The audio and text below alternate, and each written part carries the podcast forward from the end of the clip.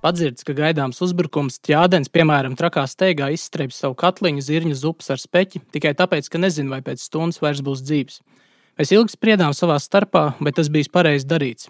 Kāds nosodīja šādu rīcību, teikdams, ka vienmēr jārēķinoties ar trāpījumu vēderā, un pilnu māgu pieēdušam tāds ievainojums esot bīstamāks nekā nēdušam.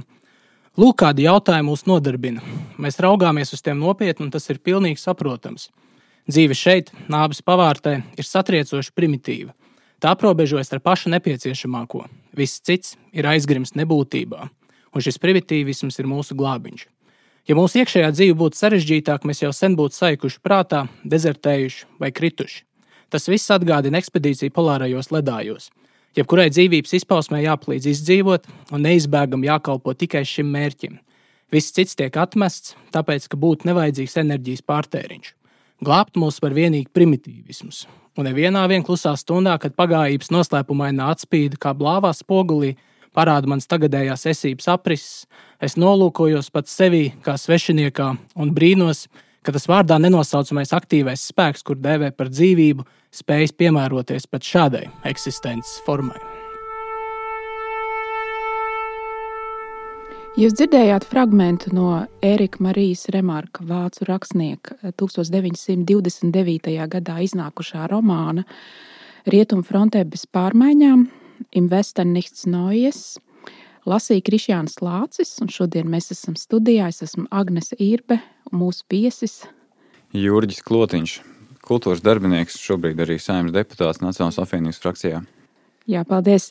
Mēs gribam parunāt par Remarka romānu, kurš ir ļoti labi pazīstams arī Latvijā.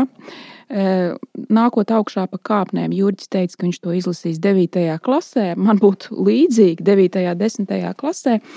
Tā ir viena no pazīstamākajām Remarka grāmatām. Otra ļoti pazīstama būtu Trīs draugi.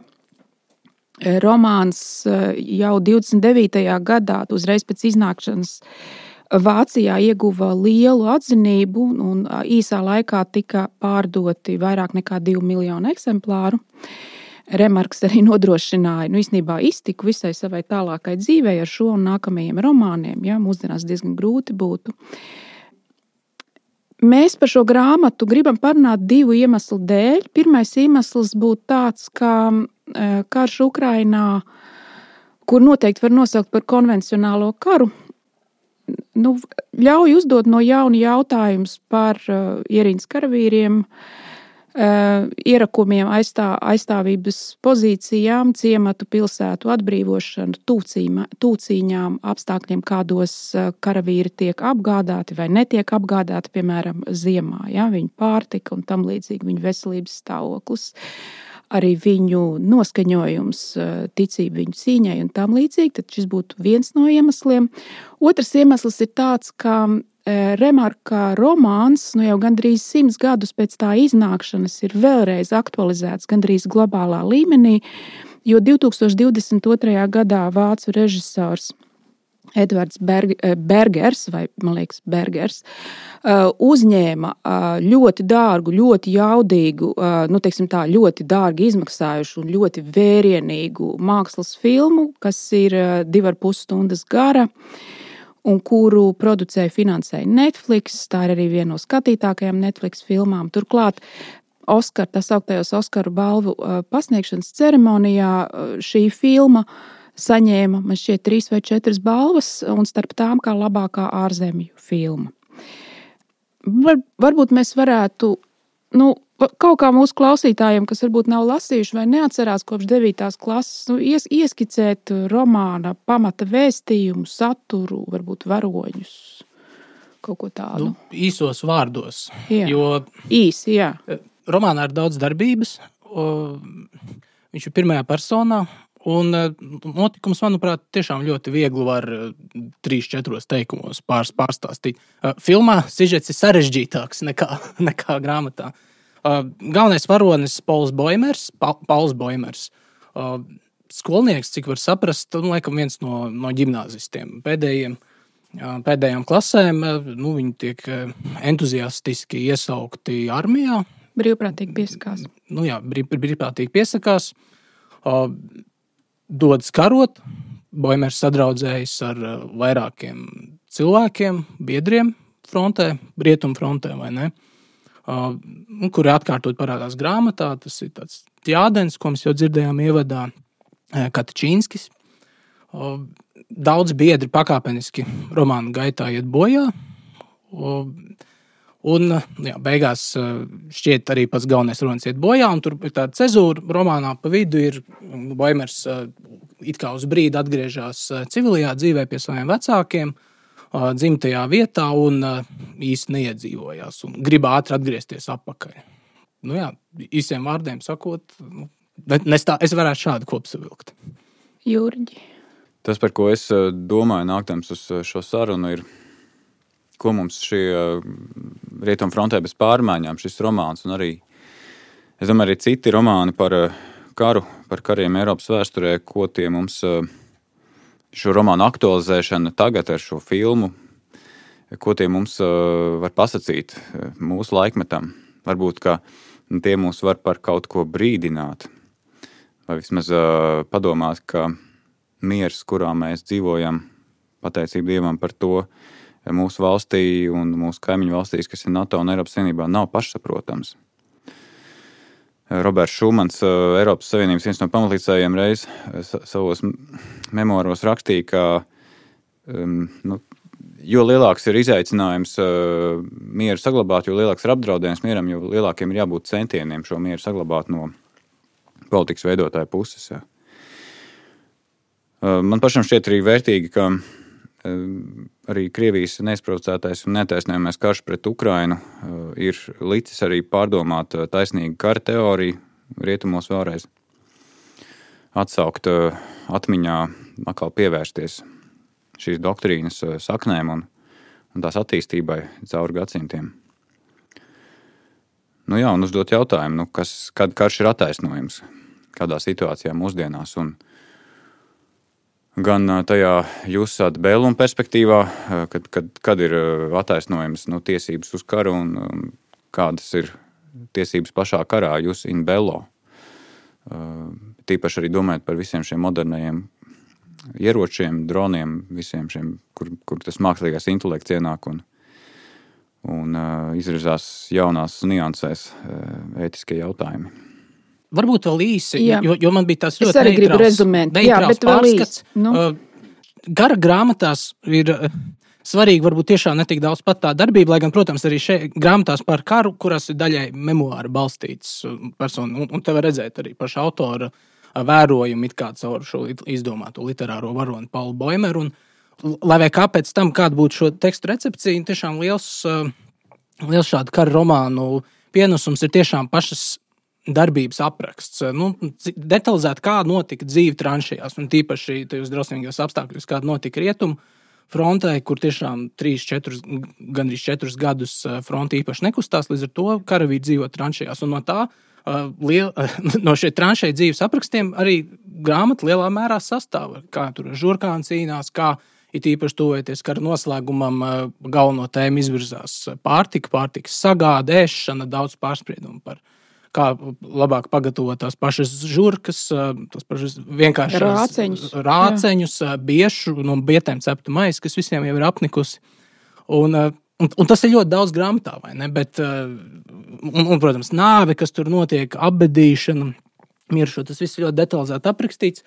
Bet Tāpēc, protams, rodas jautājums, kāpēc dažas kara grāmatas eh, iegūst teiksim, lielāku ažiotāžu, citas iegūst vienkārši tādā memoāru mhm. līmenī, mm. kā atmiņu grāmatas. Un šī nav vienkārši memoāra grāmata, vai ne? Tur uh, ļoti pirkta vai ne, uh, ļoti populāra. Jo tajā brīdī, kad viņi izdod, tas ir 29. 9, gads, vai ne? Izdevējs šaubās, vai, nu, vai vispār kāds pirks, jo desmit gadi pagājuši un šķiet, ka tas vairs nebūs aktuāli.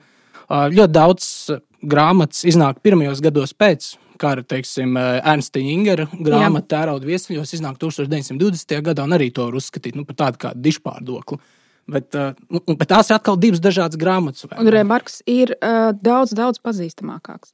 Pazīstamākāks, jā, jo un, un šeit ir klasiskā remarka darba interpretācija, jo nu, šis darbs tiek lasīts kā pacifistisks, uh, vērsts pret uh, Vācijas uh, militārismu kā fenomenu gan Pirmajā pasaules karā, gan iespējams prūšu militārismu, kas jau kopš 18. gadsimta uh, tiek piekopts, gan arī, protams, nu, pravietiski skatoties uz priekšu, gan pret nacistisko Vāciju un Otro pasaules karu.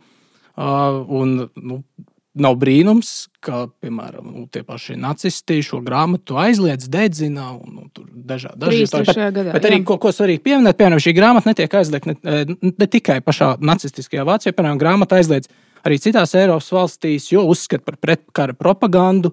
29. gadā arī Austrijas karavīriem aizliedz lasīt šo grāmatu, un Čehoslovākija, nu, ko uzskata par diezgan liberālu valsti, nu, salīdzinoši. Mm. Čehoslovākija to arī aizliedz lasīt savā teiksim, armijas un militārajās bibliotekās. Tad Itālijā viņa aizliedz 33. gadā un kaut kur vēl.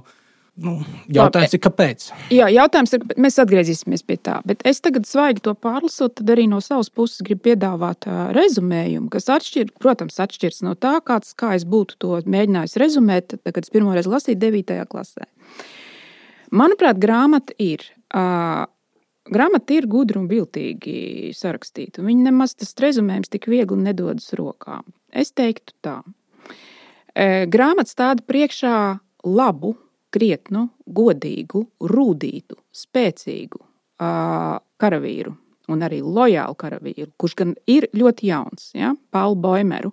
Pretēji tam, kā ir atainots šajā Netflix producētajā filmā, ja, pirmā romāna aina, mēs redzam, ka Pauls Boimers viņam aiz muguras ir daudz cīņas. Ja. Viņš nesūdzās par dzīvi tranšējā, viņš arī nesūdzās par ēdienu. Ja. Viņš ir nu, teiksim, nostiprinājies savā rotā ar saviem uh, biedriem. Un vispār ir rūtīts, rūtīts puisis. Ja, uh, kurš pat ir pateicīgs saviem tiem oficieriem, leitnantiem, ja, kas viņu ir tur likuši viņam rāpot kilometriem pa dubļiem, ja, un tā tālāk, un, viņu, un ka viņš ir tāpēc labi sagatavots cīņai. Tas ir pirmais aspekts. Tas nav jauniesākts puisītis tikko no skolas, kurš vispār neko nesaprot, ja, viņš ir jau norūdīts karavīrs. Romāns ļoti lēnā veidā un pakāpeniskā veidā atklāja šī Paula Boimera simpātiska varoņa dzīves vīzijas zudumu, gribas dzīvot zudumu, kurš īstenībā kulminē tikai gandrīz pēdējās divās lapusēs. Tas ir ļoti lēns, pakāpenisks process, kā Pauls Boimers kā, nu, jūt sevī pilnībā izzūdam dzīvības vitālos spēkus. Viņam nav vairs vīzija par savu nākotni, lai gan viņš zina, ka tuliņ būs teiksim, kara beigas vai pamieris. Jā, viņam būs iespēja atgriezties mājās, kur viņam ir tēvs, māte, māsa, varbūt arī vēl cilvēki, iespēja studēt un tā tālāk. Viņš to arī vairāk negrib. Uh, kāpēc tas tā notiek? Paula Boimera gadījumā, ja? kāpēc tas tā notiek? Tam ir vairāki cēloņi. Pirmais cēlonis, nu, tur, tur būtu garāks saraksts. Pirmais cēlonis, es teiktu, ir tāds, ka nu, tas priekšstats, ar kuru viņš bija uzaudzināts ja, par karu un šo patriotisko nacionālo pienākumu, ja, sadurās ar to realitāti četrus gadus tranšējā, kurā viņš nu, ir spiests konstatēt, ka tie franči, kas pretējā pusē cīnās un kas īstenībā aizstāv savu dzimteni Franciju ja, pret vācijiem, ka nu, pirmkārt viņiem ir nu, lielā mērā taisnība, ja, un otrkārt viņi ir tādi paši cilvēki. Ja, nu, tādā nozīmē, ka viņš nespēja viņus skatīt kā ienaidniekus. Un tā kā frontes līnija četrus gadus vispār nevirzās ne turp, ne atpakaļ, iet bojā. Tur ir cik 7 miljoni ja, rietumfronte. Tas ir pilnīgi ārprātīgs skaitlis. Ja, viņš bija kaut kāds pilnīgi fenomenāls. Bez precedenta. Bez precedenta skaitlis. Absolūti nav skaidrs, ar kādu mērķi tas, tā, tas tiek darīts. Un kādas vispār būtu tās izlaušanās iespējas un ko nozīmētu gūt uzvaru šajā, šajā kaujā? Ja? Tas ir tas otrais iemesls. Viņam viss šis process šķiet aizvien bezjēdzīgāks un aizvien grūtāk pamatojams. Tas ir otrkārt. Un treš, treškārt, viņam ir iespēja laikam nedaudz ilgāk par nedēļu pavadīt mājās, atgriezties pie mātes, tēva un māsas. Viņš konstatē, ka šo tranšējās un, un šausmīgās kauju ainās piedzīvoto pārdzīvojumu dēļ, viņš ir kaut kā iekšēji izmainījies, ka viņš īstenībā nespēja komunicēt pat ar ļoti tuviem cilvēkiem. Viņš, viņam ir sajūta, ka viņa māte viņu nesaprot, tēvs, māsa, neviens viņu nesaprot, un viņš viņiem arī nevar izstāstīt to, ko nu, ko tad viņiem vajadzētu saprast. Ja? Tad, tad tā pieredze ir pilnībā izmainījusies. Tas būtu trešais iemesls. Un ceturtais, un manuprāt, galvenais iemesls, kāpēc Pauls Boimers pazaudēja ja, vēlmi dzīvot, viņš arī beigās tiek nošauts. Ja? Bet kāpēc viņš pazaudēja šo vēlmi dzīvot, ir tas, ka viņš krīt šajā karā. Ne tikai visi tie četri vai pieci biedri, kas bija no viņa klases, ar kuriem viņš kopā aizgāja, ja, tur Alberts un tur viss tā kompānija, ja, šie jaunie puiši, bet arī eh, viņa tuvākais līdzgaitnieks, mentors, lielā mērā tēva figūra, Kačinskis, ja saukts par Katu kurš, tā, kurš ir viņu iznesis kaut kādā veidā arī, varētu sacīt, nu, gan arī garīgi, ja, gan arī fiziski palīdzot un apmācot cauri visiem tiem gadiem. Un viņš pie tam krīt nevis kaujā, bet pilnīgi idiotiskā veidā, tad, kad viņi iet meklēt ēdienu. Ja. Tad, un iespējams, ka šis pēdējais nu, iemesls ir tas svarīgākais, ka tā ir tuvība ar tiem biedriem. Viņš grāmatā vairākas reizes saka, es mīlu viņus. Viņš lieto šo vārdu līmeni, kas ir spēcīgs vārds no atturīgajiem vāciešiem. Ja? Viņš šos cilvēkus mīl iespējams vairāk par māti, māsu, ja? jo viņš ir pilnīgi saudzis kopā ar viņiem tajās tranšajās, ka viņš pazaudējot šos biedrus, pazaudē vēlmi atgriezties atpakaļ civilajā pasaulē. Es rezumēju tā. Un, un zīmīgi, ka labs uzsvers uz to dzīvot grib tev, jo grāmatā, grāmatas gaitā Boimers eh, izdzīvo vai izglābjās neiespējamās situācijās. Jā. Tur, un, un tur kaut kādā ziņā ir tā, ka ir iekšējā cīņa, man ir jāizdzīvo, man jācīnās, jāraujās uz priekšu. Tad nu, beigās viņš eh, krīt, krīt ka, nu, kaujā, iet bojā. Nu, Faktiski arī nu, gandrīz banālos apstākļos, varbūt ne tik banālos kā Kačīnskis, bet nu, jo, jo karš. Jurģi. Jā, ko es no savas puses varu piebilst. Uh, Man, man ir jautājums, iekšējais jautājums par to, uh, ar kādu nolūku Eriks Marija Remarka rakstīja šo, um, šo romānu. Iespējams, ka viņam tas bija arī psiholoģiska vajadzība. Ja nemaldos, viņš bija pats arī piedalījies Pirmajā pasaules karā. Jā, jā. jā viņam ir uh, un arī ievainots un evakuēts. Jā. Jā. Tāda psihoterapeitiska vajadzība to izrakstīt ārā uh, caur, caur romānu varoņiem un, un visu šo tēlojumu. Bet mans jautājums varbūt vairāk par to, kas būtu plašāks mērķis. Eh, viņš vēlējās ar šo eh, pateikt, cik, eh, cik tas karš bija bezjēdzīgs, cik tas karš bija netaisnojams. Un, es nezinu, vai romāns vispār sniedz atbildes to, kāpēc viņi cīnās. Tas, tas kā jūs runājāt, tikko liek vairāk domāt par to, ka viņš, viņš miera laika cilvēku aicina atgriezties tajā ieskatīties tajā vidē, kurā, kurā karavīri atradās, tajā tranšēju vidē, kara vidē, kur ir tik atšķirīga no civilās dzīves, pilnīgi, pilnīgi cita pasaule, varētu teikt, bet kurā arī cilvēks, cilvēks paliek cilvēks, kurā notiek viszemiskākais pretinieka nogalināšana, bet arī ir vieta viscēlākajām, viscēlākajai rīcībai, glābjot biedru dzīvību, Vai es domāju, arī tajā visā kontekstā cēla rīcība ir arī nenogalināta pretinieku, kurš ir ievainots. Nu, nu, nu, jums abiem izskanēja šis klasiskais apgalvojums par, par romānu, nu, ka, nu. un ka remarks. Un, un ka bezmaz arī tāda bija pati remarka doma, lai gan remarks ir mēģinājis tā, it kā tās kaut kādas politiskās interpretācijas, Jā. tā, ka šis, nav, šis ir pēc idejas apolitisks teksts. Es vienkārši gribēju parādīt, kā, kā notika dzīve tranšajās, kā notiek tā īstā kara darbība. Arī nu, brīžiem viņš saka, bez tās īpašas glorifikācijas, kas varbūt bija tajos pirmajos pēckara dažādos memoāru rakstura tekstos. Bet vienkārši parādīt, kā bija nu, tur īpaši neizskaistinot, kur tiešām nu, jā, karš atsadzās savā brutalitātē. Un, kā jūs abi teicāt, bezjēdzībā, vai ne? Bet, nu, tur, tas jautājums, vai karš tiešām arī no vācu skatu punkta bija bezjēdzīgs. Uh, jo, viņam, labi, protams, es tagad sēžu uh, bez mazliet vēsturnieku klubkrēslā, un mēs, Nē, nu, varam atskatīties, mēs varam atskatīties atpakaļ. Bet arī uh, ne tikai no šodienas atskatīšanās pozīcijas, bet arī nu, teiksim, Boimeram vai Remarkam. Uh, viņi tiek iesaukti armijā, nu, vienalga 14. un 15. gadā, vai arī brīvprātīgi piesakās. Un kāpēc brīvprātīgi nu, nu, ne jau vienkārši tur okupēt, uh, pakļaut, sadalīt Franciju, kas man šķiet, ne brīdi nav bijis, tas vienkārši, kas vienkārši nav bijis Vācijas kara mērķis, bet tas Šlīfena plāns vai ne, Vācijas aizsardzības militārā stratēģijā 14. gadā nu, to paredzēja ātri iebrukt. Francijā, neutralizēt Franciju, lai tad galvenos spēkus vērstu pret to, kas tika uzskatīts par galveno ienaidnieku un reālo eksistenciālu apdraudējumu Vācijai, proti, Krieviju. Krievija tajā brīdī, Carisko Krieviju, Carisko impēriju uzskata par nu, lielāko militāro milzi pasaulē, Eiropā.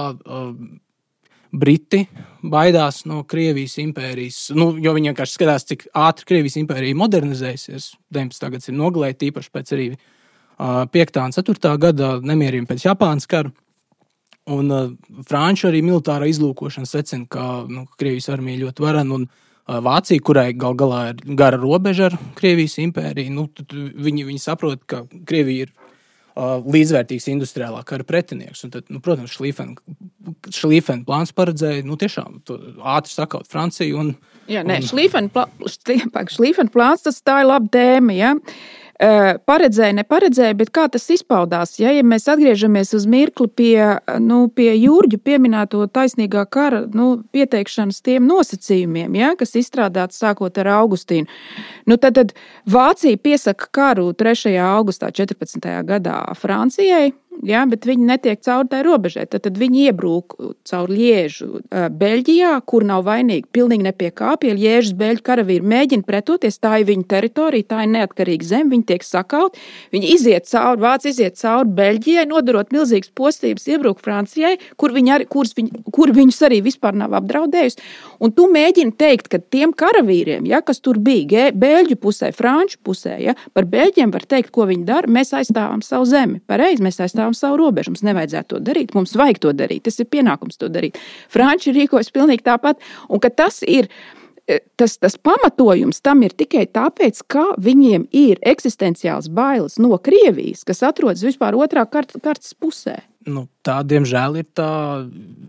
Pirmais pasaules karš, vai ne? Dažādi vēsturnieki, arī Kristofers Klārks, viņi norāda, tas ir cēlonības ziņā iespējams vissarežģītākais un neatšķetināmākais uh, jaunlaika notikums. Bet nu, mēs ar simts gadu perspektīvu kaut ko varam salikt kopā. Un skaidrs, ka viens no tiem galvenajiem kara cēloņiem, lielajiem kara cēloņiem ir mm, šīs ciešās militārās alianses, pirms kara militāru alianšu loģika. Arī Kristofers Klārks savā es teiktu, ļoti svarīgā, bet arī daudz, novēr, daudz novērtētā darbā par Pirmā pasaules kara cēloņiem. Darbība beidzās 14, nu, darbība, grāmatas darbība beidzās ap brīdi, kad sāksies eh, nu, reālā, reālā karadarbība. Lai gan līdz tam brīdim ir vismaz 700, 600 lapušu apraksts, kā līdz tam mm. brīdim nonāk. Un, uh, un Kristofers Clarks tajā, šajā grāmatā Sleepwalkers, jeb kā, kā to latviešu tulkot. Mēnesardzīgie, jā, nu parāda, kā dažādi šie cēloniskie procesi, tā skaitā ciešo militāru alianšu veidošanās gal galā nu, noved. Un, un, protams, tas nav tā, ka Vācija vienkārši grib uzbrukt Francijai, lai, lai, lai, nu, lai, at, lai atbildētu Krievijai. Nu, tur ir visu laiku ir plāns, iekšā plāna, iekšā plāna. Un, nu, nu, tā, tā kara loģika paredzēja, ka Francija ir sabiedrojusies ar Krieviju. Uh, to arī saka. Nu, Francija, Francija mēģināja būt neitrāla, cik vien ilgi tas bija iespējams. Labi, uh, Jurģi, tu gribi jau, jau labi ne, par, brīdi, pirmo pasaules, par, par pirmā pasaules karu domājot, uh, jā, es kaut kā laikam mēģinu visu laiku gribās paplašināt to tematiku nedaudz, kā Rietumfrontē bez pārmaiņām, kā, kā literārais darbs, no kura eh, sākt sarunu vispār par Pirmo pasaules karu un par eh, taisnīgu karu teoriju, doktrīnu. Eh, mans jautājums ir par to, vai kaut kādos brīžos, epizodēs vispār Pirmajā pasaules karā varēja saskatīt, ka kāda puse rīkojās saskaņā ar taisnīgu karu principiem. Grūts jautājums visdrīzāk. Um, jo visas puses to uzskatīja par aizsardzības karu. jā, kas ir man, man pašam, man, manā ieskatā, tā cēlonība ir, tur ir pietiekami daudz iracionālā momenta. Um, var attaisnot ar šiem militāriem aliansēm un uh, savstarpējo atkarību no līgumiem. Bet sākotnēji, ja paskatās uz to, uz to kā tas vasarā attīstās pēc atentāta pret uh, Austrijas tromļantinieku, mm, turpat ir tāda tāda epizode, ka Serbija pieņēma astoņus punktus eh, no, no Austrijas ultimāta. Eh, nepieņēma tikai tos divus pēdējos, no kuriem viens bija ielaists savā teritorijā, tos austriešu izmeklētājus. Mm. Tā kā, nu, te, eh, te kaut kā pat gribās domāt, ka tika meklēts varbūt pat mēģināja pat izpildīt to kritēriju, ka karš ir pēdējais līdzeklis, kad, kad viss pārējais ir izcelt, izsmelt, lai noregulētu attiecības. Jā, Vācija arī līdz pēdējiem brīdim mēģināja nekarot. Jā, tikai nu, tas, tas laiks kaut kā liekas stipri īss. Tur pat nepagāja pilns augusts līdz kara pieteikšanai. Un tālāk es arī vēlos pieminēt Kārlu I vai Kārli I Austrijas, Austrijas ķeizaru imperatoru, Austro-Ungārijas imperatoru, kurš, kad viņš kāpa tronī 1916. gadā, viņš bija tiešām, viņš izcēlās uz citu politisko līderu fonu ar to, ka viņš centās savā inaugurācijas runā, viņš jau teica tautai, ka mans mēģis ir pēc iespējas drīzāk šīs šausmas izbeigt un, un atjaunot mieru. Viņš pats bija dziļi ticīgs kristietis, katoliskajā tradīcijā, nu, kā jau tas Habsburgiem bija. Viņš, viņš uzreiz arī Austrijas armijā centās ieviest nu, ar, ar taisnīgā kara teoriju saskanīgus rīcības principus, aizliegt bombardēt civilizētājus, postīt. Aizliedz arī dažādus sodus armijā, ierobežoja gāzes lietošanu. Nu, diemžēl jāsaka, tikai ierobežoja, kā raksta avotos.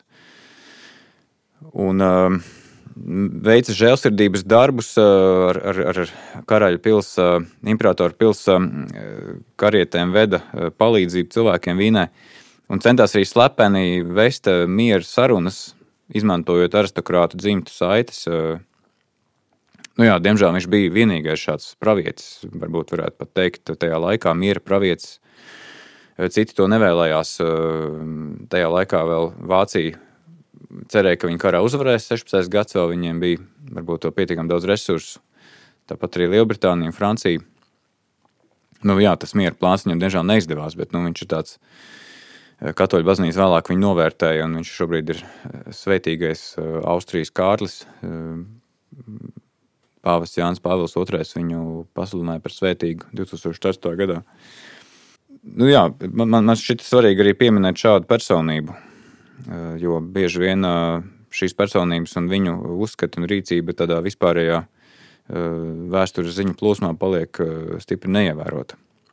Nu, līdz ar to jautājums ir par to, nu, vai, šis, vai šī grāmata ir uzskatāma par, kā viņi arī ierasti uzskata, par vienu no pacifistiskākajiem 19. un 20. gadsimta literārajiem darbiem, kurš tiešām ir pilnīgi vērsts pret karu un, uh, un kaut kādā ziņā nu, no literārās perspektīvas cementē visu rietumu valstu pacifismu, un līdz ar to kļūst par stūrakmeni dažādos mēģinājumos pēc Pirmā pasaules kara uh, nodrošināt mieru Eiropā ar tautu līgu vai tautu savienību, ar, ar ANO, ar ar dažādām konvencijām, protams, arī ar NATO, nu, kur tad, jo, jo, nu, šie visi centieni nodrošināt mieru Eiropā, lai kaut kas tāds, lai šāds šausmas, kāds ir apmaks, ap, aprakstīts arī Remarka romānā, nu, lai tāds neatkārtotos, jo, jo kas ir bezjēdzīgs, kas ir nepieļaujams, ciešanas.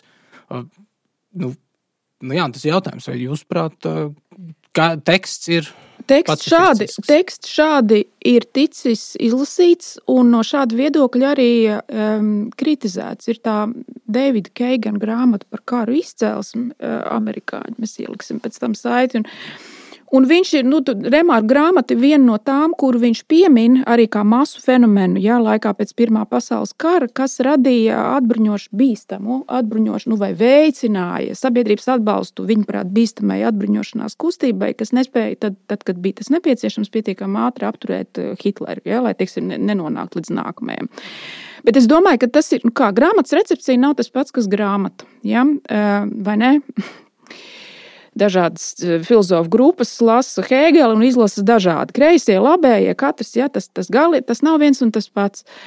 E, es domāju, ka ir, nu, es esmu drīzāk Bertranda Rasela pusē, ja, šajā lietā, ja, brītu filozofu, kurš asi iestājās pret Pirmo pasaules karu un pret Lielbritānijas iesaistīšanos Pirmajā pasaules karā. Un pat bija sēdēja cietumā, sēdēja nu, kā pilnīgi idiotiski, kas vispār ar brītiem nav saistīts. Ja, viņam, tas viņiem pilnīgi nav vajadzīgs. Kāpēc viņi savus jauniešus met uz turieni, pēc tam vien, nu, uz, uz kontinentu? Kad viņiem pašiem ir nu, jau īrijā, ja tur briest nemieri un tā tālāk, un ir dažādi veidi iekšējās problēmas. Viņš pat sēdēja cietumā vienu brīdi. Ja. Un tad, kad viņš rakstīja, Rasels rakstīja nu, pie, Pirmā pasaules kara laikā, viņš lietoja to vārdu pacifisms. Ja? Un tad viņu arī kaut kādā brīdī asociēja to vārdu. Bet, bet tas vārds ir arī konkretizējams. Tad, kad pienāca Otrais pasaules karš, ja? Bertrāns Rasels uzskatīja, ka tas ir morāls pienākums šajā karā karot. Un tātad tas, tas, kas īstenībā iezīmējas Rasela pozīcijā, un ko es nu, kaut kādā veidā saskatu arī nu, tajā remarka attieksmē, ja, uh, Tā ir īstenībā nu, modificēta vai varbūt pat tīrā formā taisnīga karā nu, teorija. Ja? Ir netaisnīgi karot netaisnīgos agresijas karos. Ir taisnīgi karot, aizstāvot savu dzimteni, tēvī, taisnīgumu un vājākos, kas ir apdraudēti. Jā, te, tu, tu pieminēji Bētrānu Raselu. Būtībā laikam senāk viņa laika biedrs Žaks Maritēns, franču mm. filozofs krietni atšķirīgs tādos filozofiskos uzstādījumos no Bertrāna Rasela, jo bija neotomists un uh, tomiskais personālists. Viens no ievērojamākajiem, laikam, 20. gadsimta pirmajā pusē un nodzīvoja garu mūžu līdz 1973. Uh, ir interesanti, es, es nesen uh, uzzināju par, par Maritēnu interesi, par, par taisnīgu kara teoriju, kas ir viņa politiskās filozofijas darbos atrodama. Uh, un vairākās eh, esejās, eh, nu, priekšlasījuma pierakstos. Viņš sākotnēji drīzāk pieslēdzās tādam kopīgam, nu, tādam vispārīgi valdošajam Francijas noskaņojumam 1938. gadā, kad bija Čehoslovākijas krīze, kad bija Minhenes vienošanās. Viņš pat kopā ar franču intelektuāļiem rakstīja tādu vēstuli, kurā pamatoja, kāpēc nevajag šobrīd uh, Kāpēc vajag, nevajag Vācijai piedraudēt militāru spēku, bet vajag Vācijai varbūt piedāvāt kaut kādas labas vienošanās, nu, tirzniecībā un tā tālāk. Un viņa domas kardināli mainījās 1939. gada septembrī. Un septembra beigās, tolaik viņš vēl būdams laikam Francijā, viņš tad aizbrauca uz, uz, uz ASV. Viņš uzrakstīja rakstu Taisnīgs karš, kurā viņš ļoti tieši un skaidri argumentē, kāpēc tas, ka Lielbritānija un Francija ir pieteikusi Vācijai karu, ir taisnīgi, taisnīgs nu, kara pieteikums un ir taisnīgi doties palīgā Polijai, kura ir upuris šai hitleriskā totalitārisma agresijai. Un, uh, viņš pārliecinoši noraida, ka ir kaut kas tāds kā svēts karš. Neviens karš nav svēts. Viņš ārkārtīgi uzsver, ka uh, cilvēkiem, kur karā iesaistās, kuri cīnās taisnīgā karā, ir iekšēji jāsaglabā tā morāla attieksme, ka karš ir vislielākais ļaunums. Bet uh, noteiktos apstākļos uh, tas ir vienīgais līdzeklis, lai atjaunotu mieru, lai atjaunotu taisnīgumu nu, runājot par romānu, man šķiet, ja, ja, ja, ja būtu jāsalīdzina divi tēli, teiksim, pats Pauls Boimers, kurš ir vēstītājs, Jā. un uh, ar viņa nu, mentoru vai paraugu vai audzinātāju uh, frontē Katačīnski, tad nu, Katačīnska tēls gan grāmatā, un es teiktu arī filmā. Uh, filmā iespējams, ka Čīnska tēls diezgan, tiek parādīts diezgan korekti. Uh, tā viņa attieksme tāda, nu, ja jākaro, tad jākaro. Mm. Nu, Nu, es te piedalos, es daru, es eh, neko ne īpaši čīkstu, neapšaubu. Uh, nu, tur nav arī kaut kādas domas par brāļošanos ar ienaidniekiem, kas man liekas, brīžiem parādās uh, Boimera tajā retorikā. Bet, uh, jā. Ir arī vēsturiski epizode, man liekas, 1915. gada Ziemassvētkos. Jā, jā, jā. jā. jā, jā. Un, un, un Kačinskis tiešām ir šis, šis tēls, kurš ja karo, tad karo. Dzim, viņam varbūt nav tas patos, nu, ka tur dzimtenes sauc, ar ko arī sākās nu, gan filma, gan arī Remarka romāns. Uh, Tur par, par, par ķēzaru, par dievu, par tēviju. Bet, nu, nu, vai karot, karot. Nu, viņš izpildīja šo savu pienākumu pret dzimteni. Nu, jautājums, protams, uh, un šeit ir tiešām teikt, ir liela atšķirība starp Pirmo un Otro pasaules karu, kur Otrajā pasaules karā tiešām bija nu, diezgan skaidrs, uh, kurš ir agresors. Un Pirmajā pasaules karā nu, tomēr nu, sarežģītāk. Jurģi. Es varbūt Krišānam arī Nu, drīzāk, drīzāk jautāt tālāk par to, vai Pirmajā pasaules karā tomēr arī nevarēja atšķirt, kurš ir agresors, kurš nē. Manuprāt, varēja. No, es domāju, ka varēja. ļoti labi varēja. Ļoti labi varēja, bet, eh, ļu, manuprāt, ļoti labi varēja. Un, manuprāt, tā pamata ievirzi, nu, kas nu, gal galā vainoja nu, drīzāk vainoju nu, vismaz kontinentu vidusdaļā Vāciju. Ja? Vismaz attiecībā pret Beļģiem, attiecībā pret Frančiem. Ja? Un teikt, nu, ka jums tas pamatojums nebija pietiekams. Jā, to var darīt. Vienlaikus, man liekas, arī viss pieprat, nu, piekristu tam, ka Versaļas miera līgumā nu, tā, tā vainas uzkraušana viennozīmīgi vainīgi ir tikai vāci, kuri sakurinājuši ne tikai Eiropas karu, bet faktiski nu, bija visos kontinentos. Ja? Tas bija netaisnīgi. Tas bija pat ārkārtīgi netaisnīgi. Un var saprast, ja to, nu, to, to, tās ciešanas vācu tautai pēc kara, ka viņiem uzlika nastu, ko viņi nebija pelnījuši. Kāpēc nebija pelnījuši? Tāpēc, kad mums ir, lai mēs nepieļautu anahronismus, ja, mums ir kaut kā jāmēģina saprast tā laika to atmosfēru. Un kad cilvēki domāja, cilvēku masas, sabiedrības masas visā zemē domāja un skatījās to lietu citādāk. Ja. Un to var redzēt arī tajā remarka grāmatā. To var redzēt Stefans Sveigs, ko mēs arī Telusā esam publicējuši. Ja, tajās atmiņās, ka viņš bija pārsteigts, braucot pa Franciju ja, un konstatējot, nu, ka ar, ar propagandas un citiem kaut kādiem līdzekļiem, vai arī no kaut kāda cilvēka iekšējā, kaut kāda dēmona ir viņos tik, tik ārprātīgs naids pret vācijiem, ka viņi gatavi viņus tur ja, samīdīt. Ja, lai gan viņi dzīvojuši tur blakus, ja, viņiem ir kopīga kultūra un tā tālāk. Faktiski tā robeža arī bijusi atvērta. Un arī citās vietās tas, ka ir tās dokumentālās filmas ja, par uh, kara izsludināšanas augustā, ja, tām pirmajām dienām. Tas mums liekas šodien pilnīgi ārprāts ar mūsu pieredzi, ar mūsu to, to kultūras atmiņu. Mums liekas ārprāts, kā cilvēki. Nu, ar jūsmas, ar sajūsmas saucieniem izgāja ielās, ja, cik brīnišķīgi, ka tagad tūlīt tās visus jaunos zēnus mobilizēs un aizsūtīs uz fronti. Ja. Viņi iztēlojās to citādāk, viņi bija iedomājušies kaut ko, kas neatbilda nu, patiesībai. Un man liekas, ka tas Paula Boimera stāsts ir labs ar to, ka viņš, nu, pirmkārt, viņš nav tā, ka viņš vaino Vācijas kaut kādu augšējo ģenerālštābu vai ko. Pauls Boimers brīvprātīgi pieteicās dienestā, brīvprātīgi gribēja tur tikt nosūtīts. Pareizi, ja? Un viņš nevienā brīdī to nenoliedz. Ja? Bet tas, nu, tā, tā vilšanās, lēnais mehānisms, ja? kas noved līdz tam nu, līdz tādam arī iekšējam, garīgam, jā, arī intelektuālam sabrukumam. Ja? Viņš ir nu, uh, vērtīgs. Man šķiet, tas, grāmatā ir godīgi parādīts, uh, kas tā kā filmā, protams, nav tik godīgi parādīts, tas, ka, ka grāmata konsekventi iztur to līniju, ka tas ir uh, iesaistīts viena karavīra skatījums tajā konkrētajā situācijā, kurā Jā. viņš darbojās. Izsako līdzi viņa domām, tam, ko viņš novēro. Nav kaut kāda panorāmiska lidojuma, nav arī tādas garas, moralizējošas tirādes.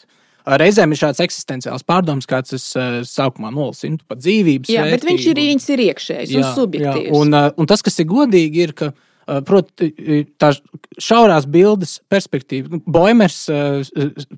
No skolas sola viņam nav pārskats par visu to frontes līniju. Par, Jā. viņš varbūt kaut ko ir lasījis, protams, par alianšu sarežģīto mehānismu un tam līdzīgi. Bet, protams, tajā brīdī, kad Boimers nonāk uh, atpakaļ pie, pie saviem vecākiem, kad viņš nonāk dzimtenē, nu, uz brīdi atpūšoties no, no kara darbības frontē. Viņam, nu, tie, tie visi, protams, ir gudri sēžot aizmugurē. Viņi lasa avīzes, viņiem ir tas nu, kaut kāds plašais skatījums uz to visu. Tad, nu, kā tur būs, kad mēs sasniegsim tur Parīzi un, un kad tur kaut kādi separāti mieri. Uh, un tas Boimers, nu, pareizi tur saka, nu, ka es, es neko par šo visu nezinu. Man ir tikai tas šaurais frontes sektors, kurā es esmu nolikts. Nu, faktiski tā ir. Mana rota, mani biedri. Mana jā. rota, mana biedri, mana tranšēnas, un, un tur es arī darbojos. Un, un, un tādā gadījumā, protams, nu, šādā, šādā ziņā grāmata ir nu, godīga. Jo, nu, tur, tur nav, viņam nav karavīna tās visas perspektīvas, pilnās bildes. Jūķi.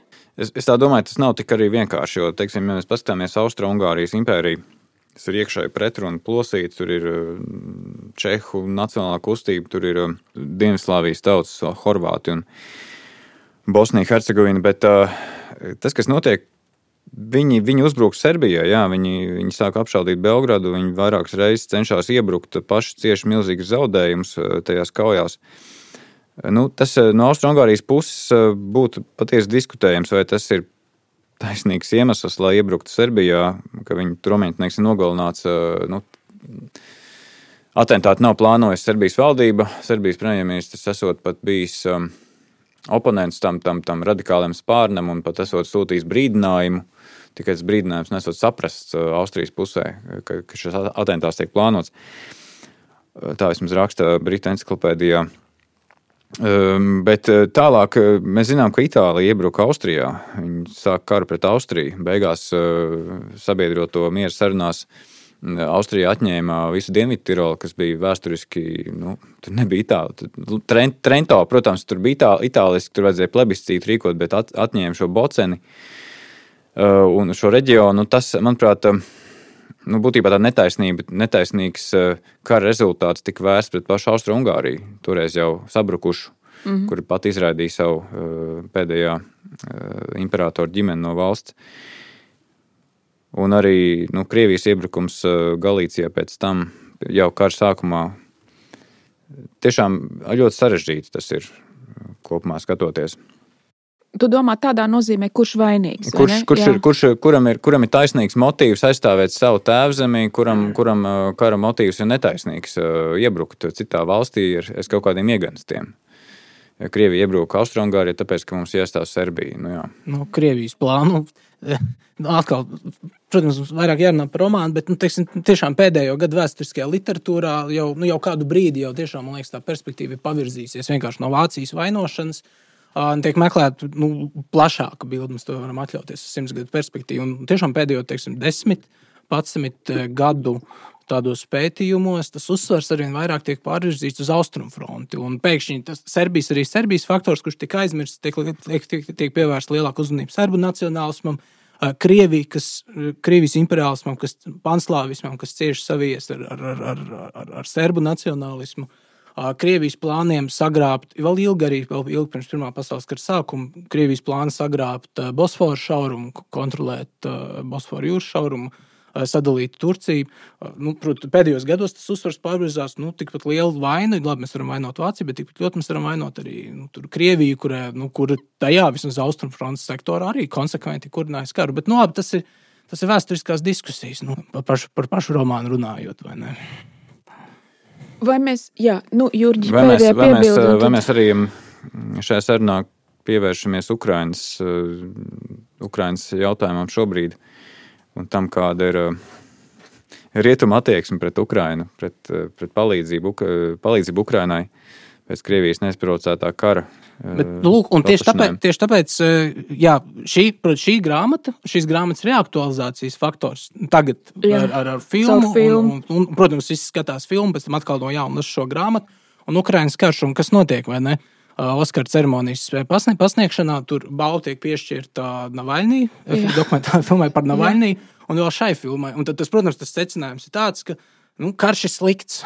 Karš, ja kāds karš ir slikts, mums nevajag atbalstīt. NATO un Krievija ir vienlīdz vainīgi pie kara kurināšanas, un nu, mēs, mēs, mēs esam par mieru. Un, un tāds secinājums šobrīd, reaktualizējot šo grāmatu, tīpaši nu, arī filmu Eiropas centrālajā daļā, tajā skeptiskākajā Eiropas daļā, kas ir nu, pret karu varbūt bijis līdz šim atturīgākā, nu, proti, Vācijā, mm. kur nevar ignorēt. Nu, nu, tas ir kaut kādā ziņā pat bīstami. Nu, ja, ja Vācijas valdība izdomā, sociāldemokrāti, kuri paši tiek filmā divas reizes skaļi, nu, pirms simts gadiem, simts gadus atpakaļ, tie sociāldemokrāti, kuri kuru partija joprojām turpina darboties un kur šobrīd Vācijā pie varas, nu, viņi tiek uzskatīti par šī miera partiju, kur ir par mieru. Uh, nu, cilvēki nostāja šo filmu, viņi domā, nu, un arī izlasa grāmatu, mēs esam pret karu. Nevajag Ukraiņā karu, vai Ukrāņi meklē pārunas. Jā, nu tas man arī, kad es lasīju Martēna rakstīto 1939. un 40. gadā, man arī lasot par paralēli kaut kā ausa Eh, par saiknes ar mūsdienu eh, ziņās eh, lasīto, dzirdēto par to, kā, kā, kāda ir teiksim, sākumā tur, kāda bija pirms gada Emanuela Makrona rīcība, mēģinājumi zvanīt Kremļa valdniekam, diktatoram, mēģināt kaut ko runāt. Es jau minēju, ka Maritēns savos uzskatos gadu laikā viņš, viņa, viņa mainījās uzskati, varbūt pat mēnešu laikā. Vēlāk viņa Francijas valdība īstenībā pat angažēja tādā, nu, tādā informācijas birojā, lai skaidrotu vispirms pašiem frančūžiem, kāpēc tas, tas motīvs ir taisnīgs, ka mēs esam tagad mobilizējuši savu armiju un stāvam pie Vācijas robežām. Uh, tajā, tajā periodā, kad, kad nekas reāli kardarbība gandrīz nenotiek rietumos, viņi vienkārši noraugās, kā Hitlers un Staļins saplūsa Poliju. Bet vēlāk viņš arī ASV, viņu aizkomandēja uz ASV, un viņš ASV arī tieši katoļiem ASV viņš sniedz priekšlasījumus un skaidro. kāpēc šis vairs nav nacionāls karš Francijai, lai, lai Francija sevi aizstāvētu pret, pret toto, Vācijas totalitārismu, bet tas ir karš par. Tas ir taisnīgs karš par rietumu civilizācijas aizstāvēšanu, par tām vērtībām, pamatbrīvībām, cilvēku cienīgu esamību, cilvēku personas iespējām brīvi veidot savu dzīvi, kā viņš raksta savā esejā Taisnīgs karš. Un viņš apelē pie tā, ka ASV un arī nu, sabiedrotajiem ir tas, tas jāskata tieši šādā perspektīvā.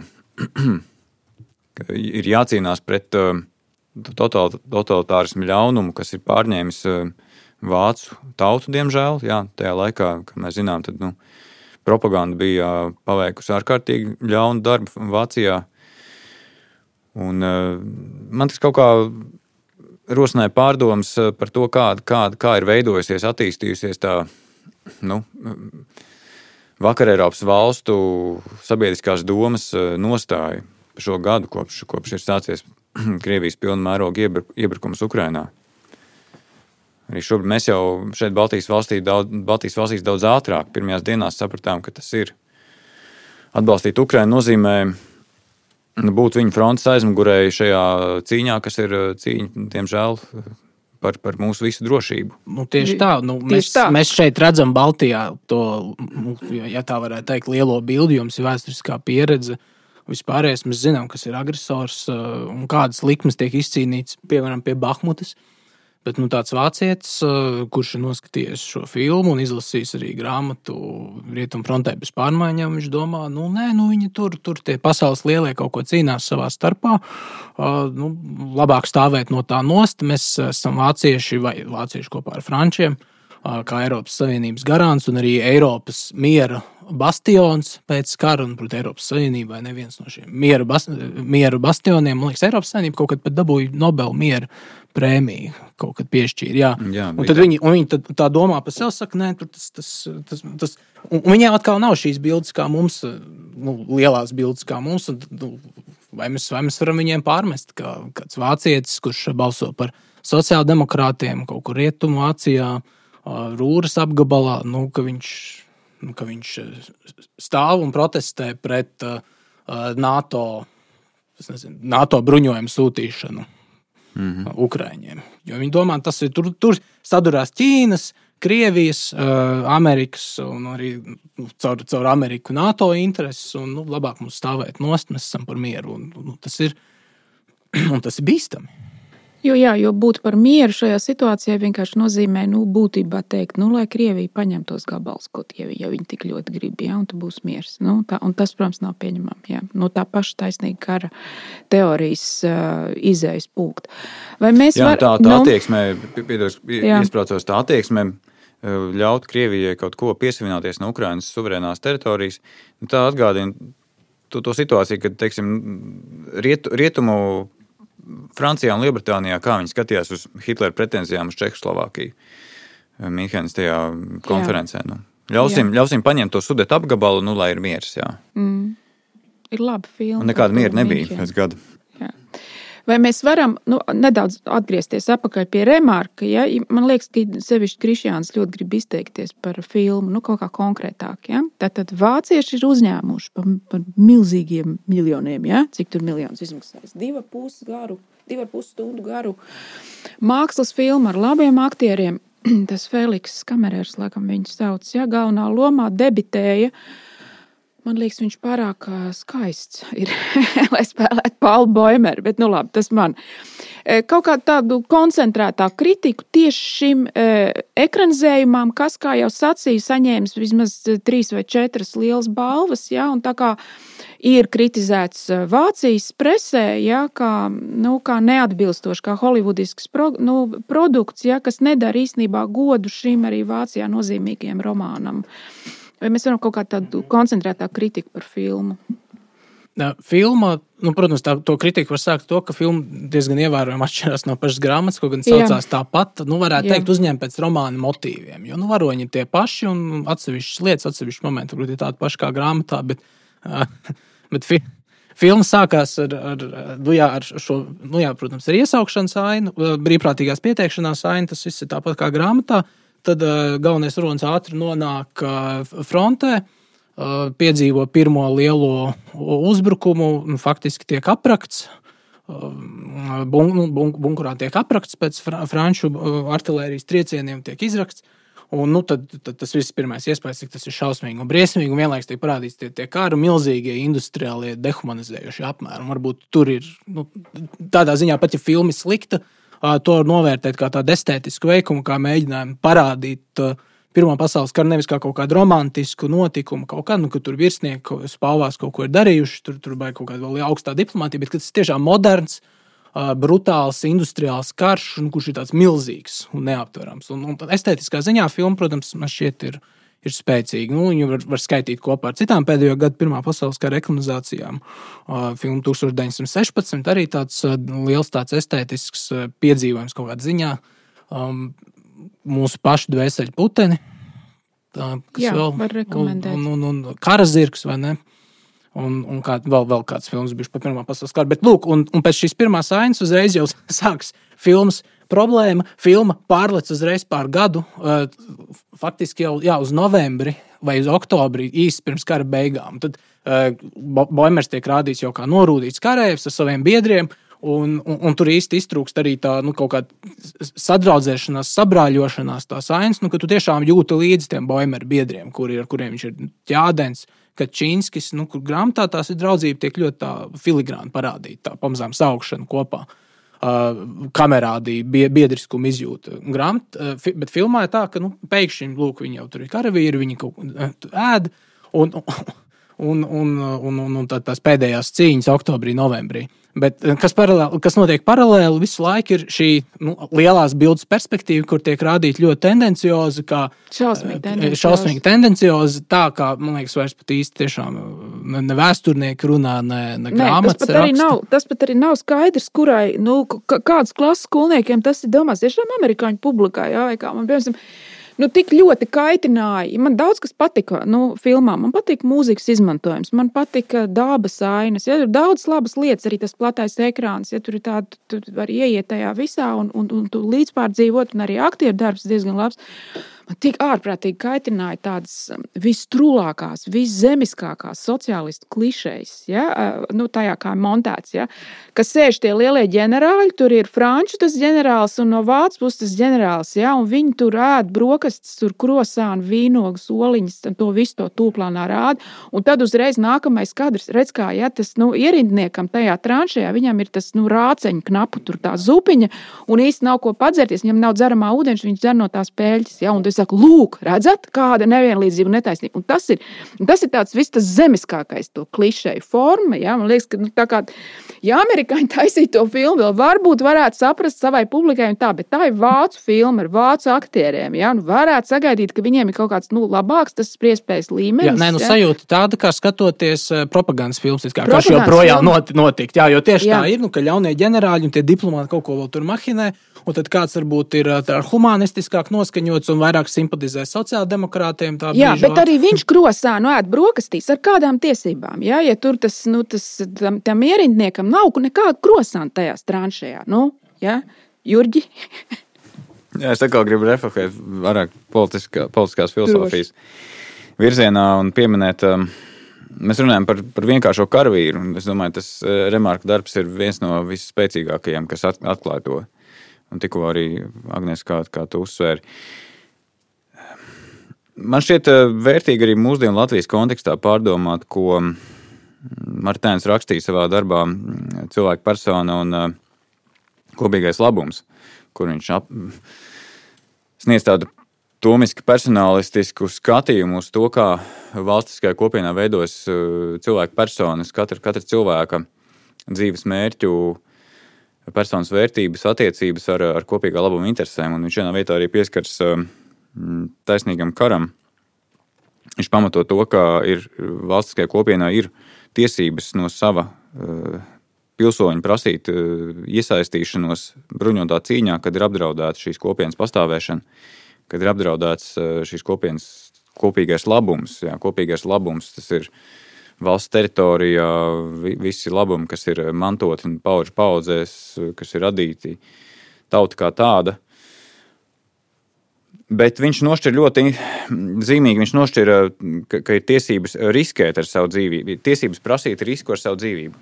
Tad iesaistīties bruņotā cīņā ir, jebkurā gadījumā, tas ir risks ar savu dzīvību, ar savu veselību, var tikt ievainots, var, tikt arī, var arī nākties atdot savu dzīvību. Bet um, nekādā gadījumā nav tiesības prasīt ziedot savu dzīvību. Nu, viņš nošķir tādus divus jā, nu, reāls kardarbības gadījums, kad ir skaidrs, ka šajā kaujā visiem būs jāriskē ar savu dzīvību, un ir arī kaujas speciālās operācijas, kur ir skaidrs, ka ļoti iespējams, ka e, karavīri neatgriezīsies no šīs. Mm. Un, uh, tur viņš ļoti spēcīgi pamato to, ka, nu, kur, kur ir skaidrs, ka būs diezgan droša nāve, lai pavērtu ceļu kaut kādai mil, militāru uzdevumu izpildē, tad uh, tur ir tikai brīvprātības princips spēkā. Jo cilvēku personas, uh, cilvēku personas tiesības uz, uz esamību, uz savu dzīvību un uh, arī transcendento mērķu sasniegšanu ir, uh, ir augstāks par valstiskās kopienas interesēm. Tā es, tā es viņu saprotu. Bet nu, šis, šis arī, manuprāt, ko viņš raksta, zīmēs uz to mūsu diskusiju par valsts aizsardzības dienestu Latvijā, par vispār, nu, vispārējo valsts aizsardzības tādu koncepciju. Bet uh, tur tā lieta, noskatoties arī filmu, uh, rodas iespējas, ka jebkurš upuris karā ir bezjēdzīgs. Nu, tas, tas nav, nav pamatots. Uh, dzīvības ziedošana, politiķu mahinācijām. Tas nav tā. Nevar vēr. pārformulēt un teikt, šajā karā vai šajā frontē, rietumu frontē, kas nepabīdījās ne uz vienu, ne uz otru pusi četrus gadus, ja, ka tie septiņi miljoni ir bezjēdzīgs zaudētas dzīvības. Tā var teikt. Jā. Mm. Mēs esam šeit drošā, drošā, drošā aizmugurē, pēdiņās aizsargāti, bet nu, runājot par Ukrajinu. Es domāju, ka Ukraiņā nebūtu, nebūt, nav tas, ka, ka upuri ir veltīgi. Tas ir ārkārtīgi traģiski. Viņi ir arī ļoti daudz karavīru zaudējuši, un, un tas, tas joprojām turpinās. Bet uh, Ukraiņas tautas cīņa ir, ir pavisam skaidrs, taisnīgā kara uh, iemesls un lieta, par ko viņi cīnās. Krišjāna, gala vārdi. Varbūt par remarku, varbūt par kaut ko citu. Es gribētu nu, vismaz no savas puses noslēgt ar turpinājumu citātam, ko es iesāku. Jo mm. ir divi veidi, kā kara literatūra vai kara ekranizācija filmās var parādīties. Nu, tādā vien, vienkāršā bipolaritātē. Jo kara filmas ir bijušas arī dažādas, piemēram, glābjot ienaidnieku Rajanu. Uh, tur netiks parādīta kara upuri kā bezjēdzīga. Tur ir varonība, ziedošanās, drosme. Um, Jā, bet tas ir otrais pasaules karš. Tas ir otrais pasaules karš. Un, un mēs varam iet, bet tā filma par pirmo, film pa pirmo pasaules karu no teiksim, uzvarētāju perspektīvas, uh, un latvieši teiksim, var uzskatīt, manuprāt, par pirmā, par tiem, no tiem, kuri iznāca no Pirmā pasaules kara, uh, labākā stāvoklī nekā pirms tam. Uh, Dvēseļi. Dvēseli putenī arī nu, tur ir gan varonība, bet, bet tur ir arī, protams, tā bezjēdzība parādīta. Bet nu, tur ir varonība, upurēšanās, nobriešana, pieaugšana krietnumā. Uh, un tādas lietas. Un, un, otra, otra, perspektīva, protams, ir šī kara bezjēdzība. Tad, uh, un kontrastējot divas grāmatas, uh, svarīgas. Uh, tieši Pirmajam pasaules karam veltīts ir nu, jā, Ernsta Ingera tērauda viesuļos. Karš tiek parādīts, uh, karotāja arī pieredze kā kaut kas, kas uh, cilvēkam uh, liek kļūt vairāk nekā viņš ir, vai drīzāk piepildīt savu cilvēcību caur visiem šiem varonības aktiem, caur upurēšanos, caur arī visu to kara milzīgumu un industriālo apmēru un, un, un, un, un neaptveramību, nu, ka, ka briesmas norūda un nu, liek tev kļūt kaut kādā ziņā, vismaz personīgi labākam, izkopt sev. Un tam līdzīgi. Tas ir viens. Un otrs ir tiešām šī remarka perspektīva, kas diezgan labi, kas e, nevis paceļ tevi cilvēcībā, bet e, nu, kaut kādā ziņā pazemina tevi, primitīvizē. Un tad, un tas citāts skan šādi turpinājumā. Lūk, Es citēju, pārējās šā dzīvības spēka izpausmes pavainājušās līdz minimumam, dzīvībai vairs nav citu uzdevumu, kā vien saspringt, atvairīt nāves draudus, Tā padarīs mūs par domājošiem zvēriem, lai dotu mums instinktu ierocis, tās situs mūs ar trulumu, lai mēs nesabruktu šausmu priekšā, kuras mūs pārņemt, ja mums piemistu apziņas skaidrība. Tā modinājis mūsu sirdī biedriskumu jūtas, lai mēs neiegrimtu pasauli, pamestības bezdebenī, tā piešķīrus mums mežoņu bezrū, bezrūpību, lai mēs par spīti visam ik pozitīvā niekā rastu prieku un uzkrātu to sevī cīņai pret nebūtību, kura draud mūs ierauc sevi, un tālāk viņš vēl salīdzina sevi ar bušmeņiem ārēji neatšķiramies no bus, bušmeņiem. Un, nu, protams, šī cilvēcības, vispār garīgās dzīves un, un, un jā, Eiropas civilizācijas primitivizācija, kas notika Jā, Pirmajā un ko karavīri tā arī piedzīvoja, ja, jo atgrie, arī tie, kas izdzīvoja, atgriezās mājās. un Tas apcīt, ir redzams pēc visiem tiem kariem. Ja, tas, nu, kā to tagad moderni sauc, ja, posttraumatiskā stresa sindroms. Nu, tas, um, barbarizācijas risks tiem cilvēkiem, ka viņi nevar, nu, ja tu esi dzīvojis tajā, kur tev tur gadiem ilgi tev ir apkārt, ja, nu, sarauj gabalos, ja, asinis, gārdzoši, ja, nu, viss tas, tas dzīvības trauslums un viss tā, tā barbarizācija, tu nevari pēc tam iekļauties atpakaļ. Tu kaut kā tev tas Eh, grāmatā ir laba aina ar Paulu Boimeru. Man liekas, ka tas ir, nu, un man neliekas, ka tas būtu pārspīlēts vai kaut kā manipulatīvi, ka viņš atgriežas mājās uz tām astoņām vai deviņām dienām pie mammas, ja, un viņš uz, tām, nu, uz to atvaļinājumu īso. Ja? Un ka viņš uh, sēž savā istabā un mēģina paņemt no plaukta grāmatas, kas viņam ir patikušas, ko viņš ir iesaistīts, tādi klasiski darbi. Ja? Un tad viņas lasīt, jo viņam, nu kā, nu, tur taču daudz gudrības un zināšanu. Un, un, un, ja? Un ka viņš šķirst visu pēc kārtas, nekam nevar pieķerties. Ja? Jo tā viņa tā, tā nāves un to šausmu pieredze ir kaut kāda radījusi tādu plaisu viņā. Nu, starp to civilizācijas pasauli, kur ir grāmatas, gudrība, pārsprieduma, analīze, sarunas, ja, ja, un, un viņš un viņa apdraudējums viņa dzīvībai, viņa biedru nāve, ja, un, un tas kaut kāds tas. Nu, ka nu, tu nevari likt nekādas likmes, ja, kurš izdzīvos, kurš nē. Ja, tas viss ir pilnīgi pakļauts tādai nejaušībai. Es gribu no savas puses vienu, vienu, vienu pēdējo te, nu, teikumu. Ja, tad, tad, uh, Kas man liekas, ir tajā remarkā? Ja? Kāpēc remarkām, remarks joprojām ir nozīmīgs? Un cilvēki arī viņu lasa. Piemēram, man, manā vecmāmiņa, diemžēl jau mirusi, viņa nomira 94 gadu vecumā. Man ar viņu bija kaut kas kopīgs. Ja? Nu, viņai mīļākā grāmata bija Remarka trīs draugi. Man tā gluži nav. Man arī mīļākā grāmata varbūt būtu kaut kur Flobērs, kaut kas tāds, ja? bet es saprotu, ko viņa saka. Kāpēc viņai tā bija? Viņa arī bija Lutāna, ja, no jaunciem un tā tālāk. Ja? Jo, un, Nu, man arī patīk. Man ir, man ir kaut kas tajā, nu, kas man patīk, lai gan vienlaikus es teiktu, ka Ernsts Jingers ir labāks rakstnieks par remarku. Interesantāks, bagātāks izteiksmes veidā. Ja? Luis Ferdinands Selīns Francijā, kas, kas arī rakstīja Pirmo pasaules karu, ja? arī ir labāks rakstnieks. Ja? Bet remarkā ir kaut kas, kas nu, krišāniem varbūt tas nepatīk, bet man patīk, un es nepagriezīšu tam muguru ko mēs varētu nosaukt gandrīz par kaut kādu kriptokristīgu humanismu. Nu, Humanisms. Kā, jā, jā, bet, bet Tev varbūt liekas, ka tā ir slikta nozīme.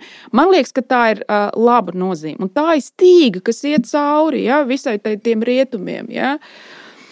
Kuru varbūt var, es nezinu, Rotterdams erasmā redzēt. Ja viņš ir tāds kvazis sekulārs, ja, bet humanisms. Nu, tur ir kaut kāda esat ievērojuši, ka milzīgajā remarka korpusā, cik viņam ir romāni, 7, 8, tev nav neviens barbarisks ļauns tēls vispār. Tev ir cilvēki, kur cieš, kur ir sāpināti, bet kuri mīl, kuri ir lojāli draugiem, kuri nepadodas. Ja? Vi, vi, tas ir, es to saucu par kvazi kristīgu humanismu. Jā, klausoties, kā tu raksturo remarku, man nāk pārdomas, ka Varbūt rietumu kultūrā, rietumu civilizācijā arī šī taisnīga kara doktrīna, taisnīga kara teorija ir kvazi kristīgs humanisms. Paradoxāli to teikt. Bet um, vismaz ir principi, kā regulēt vislielāko ļaunumu, kas cilvēks var piemeklēt. Un es domāju, ka arī vēlāk, eh, citu, otrajā pasaules karā, tā ir mana tā teorija, bet uh, es kaut kā skaidrotu to šausmīgo brutalitāti, ko parādīja Japāņu armija jau pirms otrā pasaules kara, jau Ķīnā, jau šausmīgiem slaktiņiem, ka viņiem, viņu kultūrā, civilizācijā nebija šī pamata, kas tomēr, lai arī rietumu pasaulē jau bija novērsies no kristietības lielā mērā 19. gadsimta un 20. gadsimta pirmajā pusē, bet eh, kaut kā bija vēl šī inerce, domāšanas inerce vēl bija. Lai arī praksē, kā mēs zinām, Otrajā pasaules karā nebūtu, netika īstenota bija šīs šausmīgās pilsētu bombardēšanas, civilizētāju eh, nogalināšana. Un... Jā, jā nu, es domāju, ka tā ir pozitīva nots, uz, kur, no, uz kuras noslēgt. Tas kaut kādā ziņā ir tas, ko tu pieminēji, šis nu, kristīgais humanisms, pat arī tādās sekularizētās versijās, kuras, protams, var arī pārspīlēt, jo mēs šobrīd lielā jā. mērā cīnāmies ar ar uh, kristīgi sekularizētu humanismu pārmērībām. Bet nu, tādā formā, kā, nu, jā, kāds saka, ir remarks to rāda, un tas parāda to, kā Rodžers Skrūtons mēdz teikt, West and the rest, ar ko rietumi atšķirās no pārējās pasaules. Jo, nu, tiešām, nu, tur, nu, rietumi vismaz domā par to, kā neiegrimt absolūtā ļaunumā, vai to Kā neret- nekļūt ne- par zvēru, neretelevizēt jā. un, un Jā. piedāvāt kaut kādas kritērijas, kā nekļūt par, par zvēriem. Cilvēks kaut kas vairāk nekā zvērs. Šī bija telos aplāde par eh, Remarka romānu eh, Rietumu frontē bez pārmaiņām, filmu un citiem jautājumiem. Un studijā biju es, Agnēs Irbe. Jurģis Klotiņš, kultūras darbinieks un Latvijas universitātes doktorants. Un Krišāns Lācis. Paldies, kolēģi!